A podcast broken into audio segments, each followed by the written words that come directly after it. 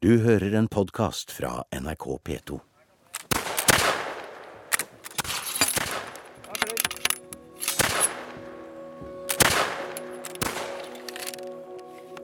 Var det et av disse muskettskuddene som drepte Karl 12. den mørke torsdagskvelden 11. desember i 1718? 300 år er gått, og ingen vet med sikkerhet hvem som avfyrte skuddet som gjennomboret monarkens hode. Var det en av de norske soldatene som iherdig forsvarte Fredriksten festning, eller var det en av kongens egne? Den dramatiske historiske hendelsen er fortsatt under etterforskning. Det er gitt tillatelse til nok en undersøkelse av kongens kranie. Mysteriet lever altså videre i beste velgående.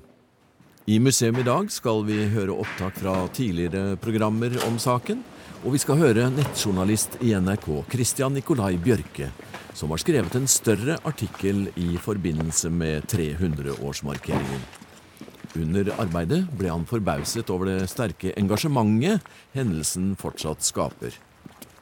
Jeg tenker at dette her har vært en, en utrolig morsom reise i en verden jeg kjente lite til. Og en, ikke minst en verden som var full av mennesker som har et utrolig sterkt engasjement. Om det være seg folk som har lest mye og har teorier, eller være seg altså, slektninger som de ute på Myking som har sine tanker om hva som skjedde. Myking skal vi komme tilbake til, for i den lille bygda nord for Bergen lever historien om svenskekongens fall i fullt monn. Hver 17. mai er det markering ved en bautastein der. Og deres historie blir brakt videre fra den ene generasjonen til neste. Men nå skal vi til selve åstedet, til Halden, eller Fredrikshall som byen en gang het. Kollega Øyvind Arntzen laget et program i 2007 med sivilarkitekt Kjell TH Magnussen. Samme år ga han ut boka ved Karl 12.s død, Fredrikstens beleiring i 1718, myter og fakta. Magnussen var den gang tilknyttet Nasjonale festningsverk under Forsvarsbygg, og hadde detaljkunnskap om situasjonen omkring Karl 12.s skjebnedag. Skal vi gå opp på Gyldenløven? Ja. ja, det er lett for oss å si det. Gå opp på Gyldenløvet. Men det var ikke så enkelt her i desember 1718. Nei, det var det ikke. Det var det ikke. Nå skal vi gå Vi går opp trappene her. Ja. Når Karl 12. gikk her, så hadde han en stiget, som jeg har forstått. Nå, Ja, altså, ja. Det så jo annerledes ut. Ja. Hvis vi nå går inn på disse helt konkrete tingene som foregikk her i 1718, så var det jo for det første et dårlig tidspunkt å gå til et stort felttog på. For det var snø, det var is, det var kaldt, det var mørkt. Det var rett og slett uh, utrivelig for de 5000 mann som lå Ja, nå står vi og peker ned. Vi ser det store anlegget til Norske Skog som ligger her, Saubruks. Det var der nede de hadde sin uh, hovedleir, ikke sant? Ja, altså eh, Svenskenes materiallager og, og eh, kanonpark og slike ting, det ble samlet i skråningene bak eh, Stutekollen der. Ja. Og Det går en vei eh, opp der, den går der fremdeles, og det er ganske lett tilgjengelig. Og derfra over til Tistedalen lå jo troppene. Eh, Og de hadde jo da med seg også spesialister. Ja, ingeniørinnslaget i, i disse troppsstyrkene var ganske store. Det var tre såkalte brigader eh, med eh, ingeniørsoldater og ingeniøroffiserer. Ja. Så når da tiden var kommet til å storme Gyldenløva her, så da kommer også kongen selv fram. ja, han gjør det, for han eh, likte jo å være eh, foran. Ganske Et brutalt trekk. Han likte å være, skriver du i din bok, der hvor mennesker ble drept. Ja, Ja. han gjorde det. Hvis, hvis du går ut på Ja. her Gyldenløve var tatt, så kunne du beherske hele dette området her. Men menn, de turte ikke å storme herfra, Magnussen. Nei, de hadde jo de Først måtte de gjøre en, en hel del gravearbeider for å komme nærmere festningen. Og det som, eh, som, som jeg har skrevet, da, og som jeg eh, holder nokså sterkt på, det er at man gror seg ikke ned den veien der som står på svenske kart. Nei. Men man gror Kom seg her fra nordsiden. Vi er ved Fredriksten festning, og det er forfatter Kjell T. Magnussen, selv født i Halden, som forklarer posisjonene. Det er ikke lenge til vi nærmer oss skjebnetimen for Karl 12.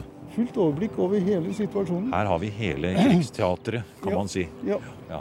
Og her kunne faktisk, Hvis de bare dukket litt på hodet her, så kunne de bevege seg helt opp til Ja. kanten på, på, på fjellet her. Eh, Noen forfattere mener jo at man var i ferd med den siste natten å etablere eh, artilleribatteri på, på den, det som vi kaller for Utsiktsberget. Ja, nettopp, som som du peker rett ned på her. For Ja, det måtte man jo uansett ha Det måtte man. for å prøve å ødelegge festningsmurene og artilleristillingene på norsk side. Ja.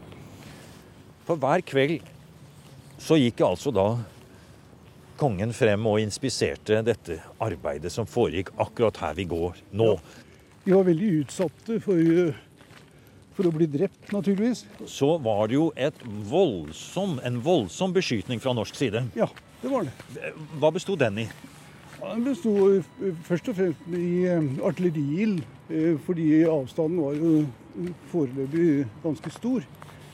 Eh, Og eh, da, da skjøt man med en spesiell ammunisjon som heter kardetsker.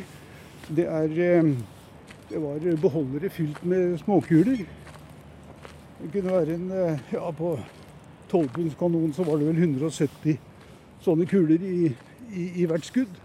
Og det regnet ned tusenvis av prosjektiler hele tiden over disse Ja, som gravde her, da. skyte med store haglegevær, ikke sant. Ja. Men eh, min teori er jo at man gro seg opp her, fordi her kunne man grave direkte mot festningen uten at uh, graven ble skutt, ble beskutt på langs, til man kom til det treet der oppe. Ja, nå skal vi gå opp dit. Men vi er bra dekt for selve festningen her. Vi sniker oss fram gjennom landskapet og er svensker her nå. Og eh, vi får bare være glad til det, Magnussen, at ikke vi må grave oss ned her nå. Vi kan gå oppå her i hvitveisen. Det er litt Det er kontrast. Ja, lenger enn hit kunne vi ikke komme. Og hvis du skulle beskrive den situasjonen som var i gravene da når kongen kommer frem, var han alene der med sine offiserer? Var det mange andre der?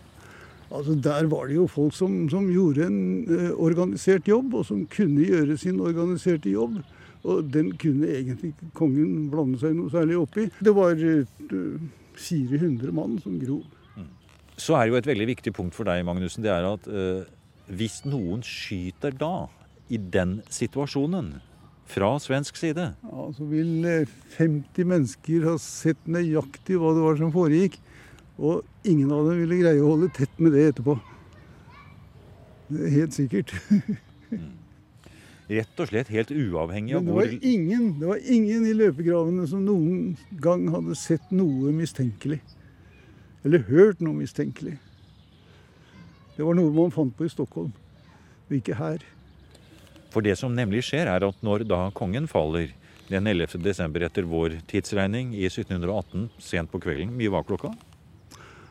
Halv ni, eh, mener man. Ja. ja.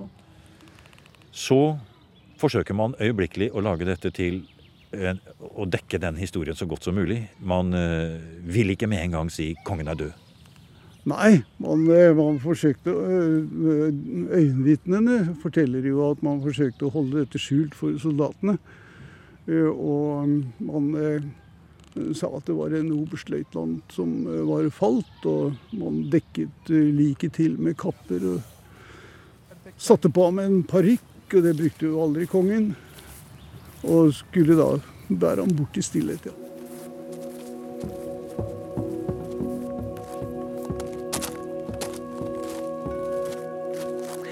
Det var eh, et lite avsnitt i en av bøkene som jeg leste først, hvor det sto at det var en eh, nordmann som hevdet at det var han som skøyt Karl 12. Og da tenkte jeg at dette er jo spennende for, eh, for eh, oss i Norge. Altså, Fins det virkelig en navngitt person som kan ha gjort det? Og da begynte jeg å nøste opp i det. Og da skal vi faktisk bli med deg på en tur, for da måtte du reise et sted. Du kan fortelle hvor. Ja, da eh, måtte jeg først finne ut litt mer enn det jeg visste fra den lille, det lille avsnittet i boka. Så da eh, Det første jeg leste, var at det var en mann som het Jo Vedlo. Mener jeg var han først, først, første navnet jeg så. Men det ga meg lite treff eh, på nettet og andre baser, men etter hvert så fant jeg litt mer av navnet hans. Han gikk under flere navn. Eh, han, kunne, han het bl.a. Jon Hodnevedlo, det hjalp litt. Han gikk under navnet Jon Johnsen Myking. Og flere andre navn. Så eh, det ble en jakt på å finne mest mulig informasjon om denne mannen her. Og til slutt så skjønte jeg at de måtte vestover. Vi måtte ta nattoget til Bergen.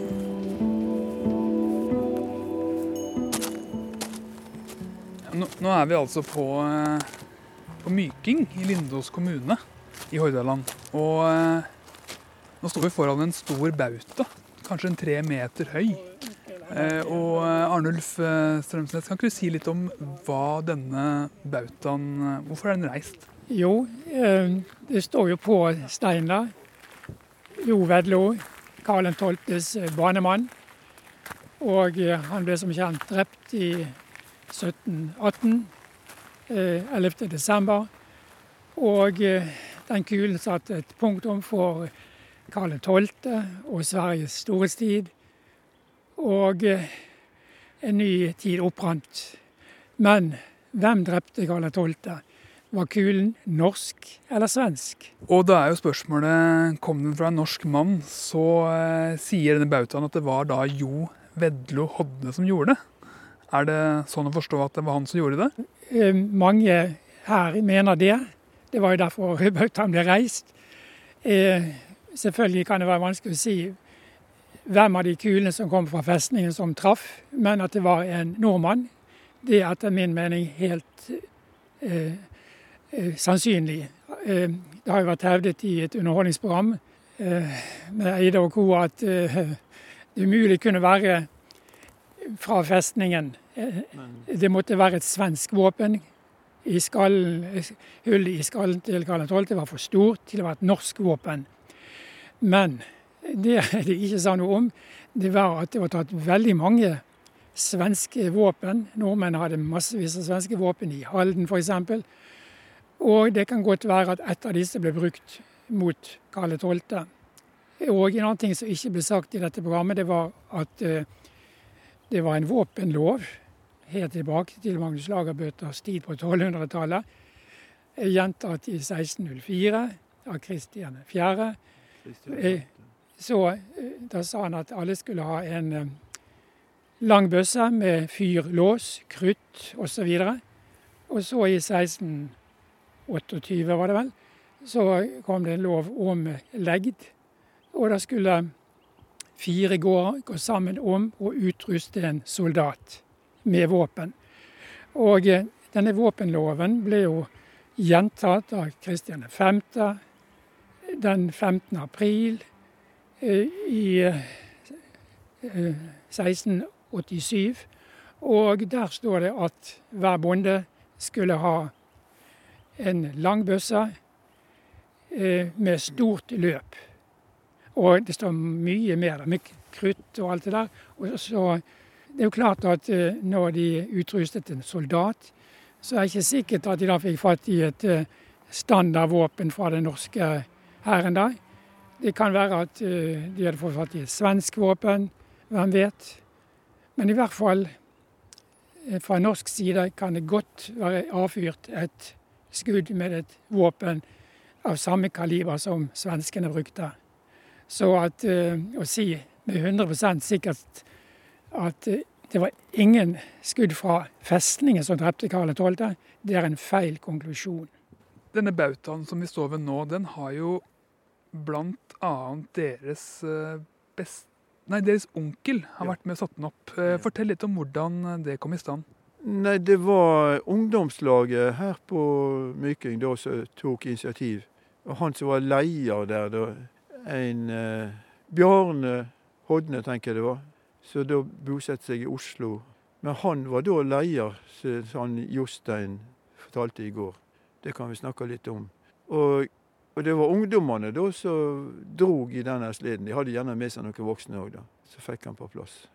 Men vet du hvorfor de satte den opp akkurat i 1926? Var det noen strømninger som eh, kom på den tiden som gjorde at de eh, valgte å sette opp en sånn bauta? Som jeg har sagt før, så er det strømningene kom jo eh, etter at vi hatt helt fri fra svenskene i 1905. Sant? Og det vokste den nasjonalfølelsen og nynorsken som kom inn òg, med Ivar Aasen. Og nasjonalfølelsen i hele Norge vokste. Da var det det at vi skjønte det at det var viktig å markere Jo på Vedlo, banemannen og Karl 12. Ellers kunne vi vært svenske. altså, vi var ikke helt kvitt svenskene i 1905. Så på, på, mange måter ble, eh, har Jo på Vedlo blitt et litt større symbol eh, på en måte enn ba, bare en som skjøt Karl 12. Han har blitt en symbol for eh, selvstendighet og dette med at man er, eh, har kjempet for landet sitt. da. Ja, det er uten tvil det at den har vært et symbol for frihet og selvstendighet. Nasjonalfølelsen som kom frem etter 1905 og vokste videre med at vi fikk et eget nynorsk språk og ble kvitt danskene. Det var ganske viktig, altså. Det var brødrene Arnulf og Harald Strømsnes fra Myking. Begge er svært opptatt av historien om Jo på Vedlo, som de antagelig til og med er i slektskap til. Det er kollega Christian Nikolai Bjørke, nettreporter i NRK, som har møtt de to på Myking. Og mer stoff derfra finner du på museums podkast. Der er det nå lagt ut flere programmer som handler om den historiske hendelsen for 300 år siden og i hvilken grad det fortsatt letes etter svar på hvem som egentlig skjøt Karl 12. Bjørke har gått eh, grundig til verks, og nå skal han ta oss med på skytebanen for å teste muskettenes presisjonsnivå. Det var jo et slikt våpen Jo på Vedlo skulle ha brukt. Da er vi på eh, Torsnes eh, skytebane og står og ser utover der man skyter på blink. Og det er ganske langt der framme så har vi en liten eh, vannmelon med en hatt på. Hvem er det, Tor Ulsnes? Det skal eh, da forestille Karl 12. Det var ingen andre som ville være frivillig, så vi måtte bruke en vannmelon. Og eh, saken er den at eh, Jo på Vedlo, han hevda jo etter at kongen var skutt, at det var han som gjorde det. Han hadde sikta på kongen, eh, sett noe som blinka og skutt mot uh, kongen. Og du står nå her i en uh, fin uniform og har med deg en børse. Hva er det du egentlig har på deg? Det er uniformen som smålenske regiment hadde tidlig 1700-tall. Så sånn kunne vi ha sett ut på Fredriksten i 1718. Og den børsa du har med deg, er den også lignende de de hadde på festningen i 18? Ja, det er samme type og stort sett samme kaliber, så eh, det er ganske riktig. Mm. Og en av teoriene på hvem som drepte Karl 12., handler jo om at han ble skutt fra festningen. Og det ble jo fyrt av mange skudd den kvelden. Eh, men Jo på hevder at han så kongen, sikta og skøyt. Eh, hvor vanskelig er det egentlig? Ja, for det første er det jo vanskelig å se at det var kongen, for han var jo kledd omtrent som soldatene. Eh, det var en siden akkurat da, vet vi, mellom ni og ti på kvelden, så han kan jo ha sett noe. Men hvis han hadde en muskett, sånn som vi skal bruke, så, så vil du overhodet ikke treffe noe som du sikta på på den avstanden. Så det er i så fall et eh, slumpetreff. Ja, vi snakker jo om 300 eh, skritt, eller mellom 160 og 200 meters avstand. Hva treffer man med muskett da? Er fint lite. Så det er slump, altså. Så, så jeg har aldri prøvd å skyte så langt, men, eh, men, det er nok Blir du truffet, så er det rent vådeskudd, vil jeg påstå. I hvert fall sånn lite mål som, en, som et hode. Mm. Hva treffer man, eller Hvor kort avstand må man ha for å kunne treffe med en musketta? Ja, Det skytes godt på 50 meter. Og eh, jeg tror det er omkring avstanden som for et så lite mål. Jeg tror det. Ja, for Hvis vi ser utover banen her nå, så det er jo så vidt jeg klarer å se den melonen vi har tatt opp med hatten der framme. Og eh, jeg vil jo tro at du, du hadde slitt selv med en ganske vanlig, moderne rifle, hadde du ikke det? Nei da, med ordentlig moderne gevær med ordentlige sikter så hadde det gått greit. Men, eh, men vi tenker vel at uh, Vi vet på Fredriksten så sto jo kompaniene og skjøt kompanivis. Så de skjøt jo i skurer. 100 mann som pekte mot eh, retningen hvor de hørte svenskene grov. Så det kan selvfølgelig ha vært et slumpetreff. Det, det skal vi ikke utelukke. Så, men at en sikta og traff på den avstanden anser jeg som ganske umulig. Ja, vi skal få prøve å se hva vi får til her i dag. Du har med deg var det nær 30 skudd du hadde klart å eh, få til? Ja, jeg har omtrent det og en kilo krutt, så vi får se hvor langt vi før mørket tar oss. Ja. Da ønsker jeg bare lykke til, og kjør på.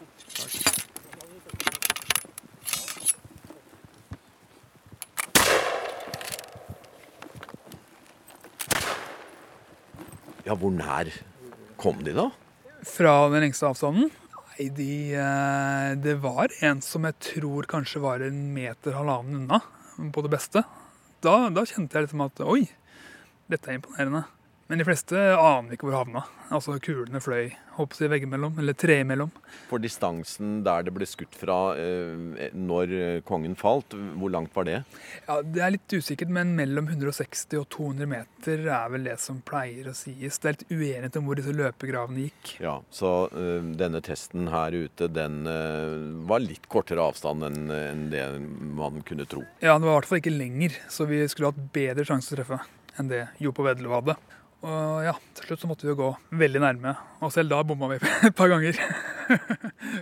Nå skal vi til Sverige, til Hallands eh, kulturhistoriske museum i Varberg, for å se kuleknappen. Og det er førstekonservator Pablo Viking Faria som eh, viser den fram til kollega Christian Nikolai Bjørke.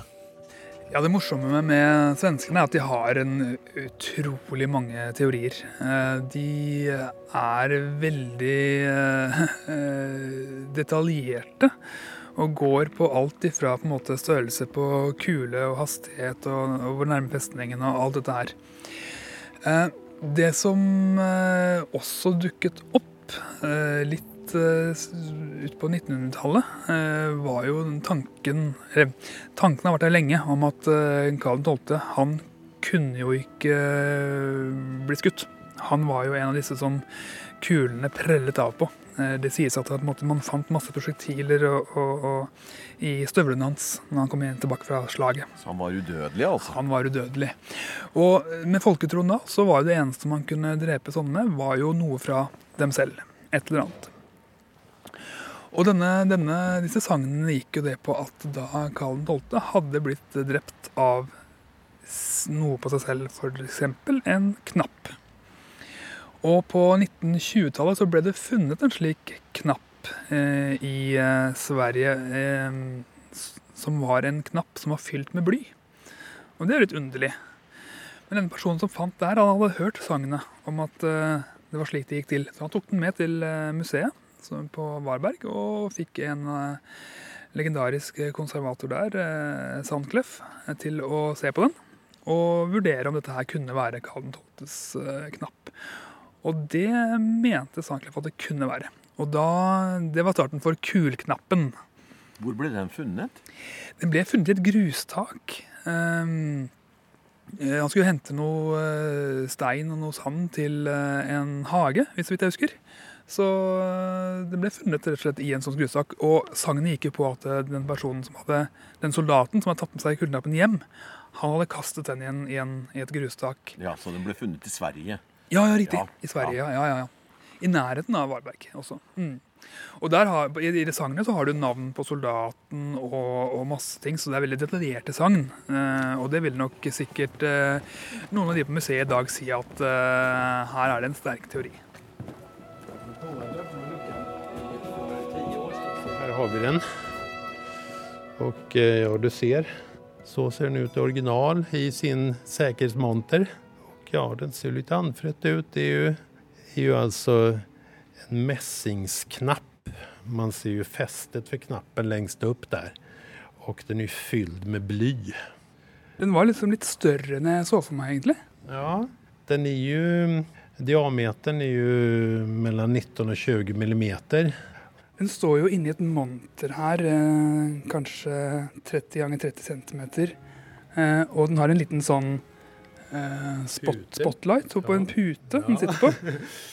Denne kula som ligger her, skal da ha gått gjennom hodet på den mannen som vi ser foran oss? Ja, det er jo en tanke. Og det er jo så at, at redan når han ble skutt så mistenkte man jo at det var et mord. Alltså redan ja, i, i stort sett nästa dag så att säga så började det talas om var det ett mord eller var det inte ett mord. Och eh, de ryktena har ju funnits i då flera hundra år sedan dess. 300 år är det ju numera. Och eh, de har ju blivit sen vad man kan kalla sägner, alltså berättelser eh, som man en del tror i sanna och en del tror i sagor, så att säga. Va? Det er en knapp som er brukt som kule. Ja, nei, det er jo en, en, en kjerne i dette. Um, det er jo så at om Altså, Karl 12 han var jo ikke populær. Han ledde ut Sverige i en masse krig. Og eh, det var jo så at, at eh, alle soldater, alle vanlige mennesker som fikk holde på med kriget, var imot det hele og syntes det var hemskt, og mengder med mennesker dog. Det var enormt store skatter og så. Men også de andre samhällsklasserna eh, blev lidande av dette. Även alltså adelsmännen, borgarna i städerna, prästerna. Till slut tyckte de det var för mycket. Så att han hade mängder med fiender. Plus de som tänkte efterträda honom som kung, som inte var säkert vem skulle det bli, var också hans fiender. Så att det fanns ju mängder med möjligheter till någon att vilja skjuta honom. Vil du høre mer om Karl 12.s død, så anbefaler vi museumsserien på fire nye podkaster. Det er programmer som ikke vil bli sendt på vanlig måte, men som kun er for dere som lytter på museum som podkast. Hvis du vil, send gjerne en e-post til museum.krøllalfa.no.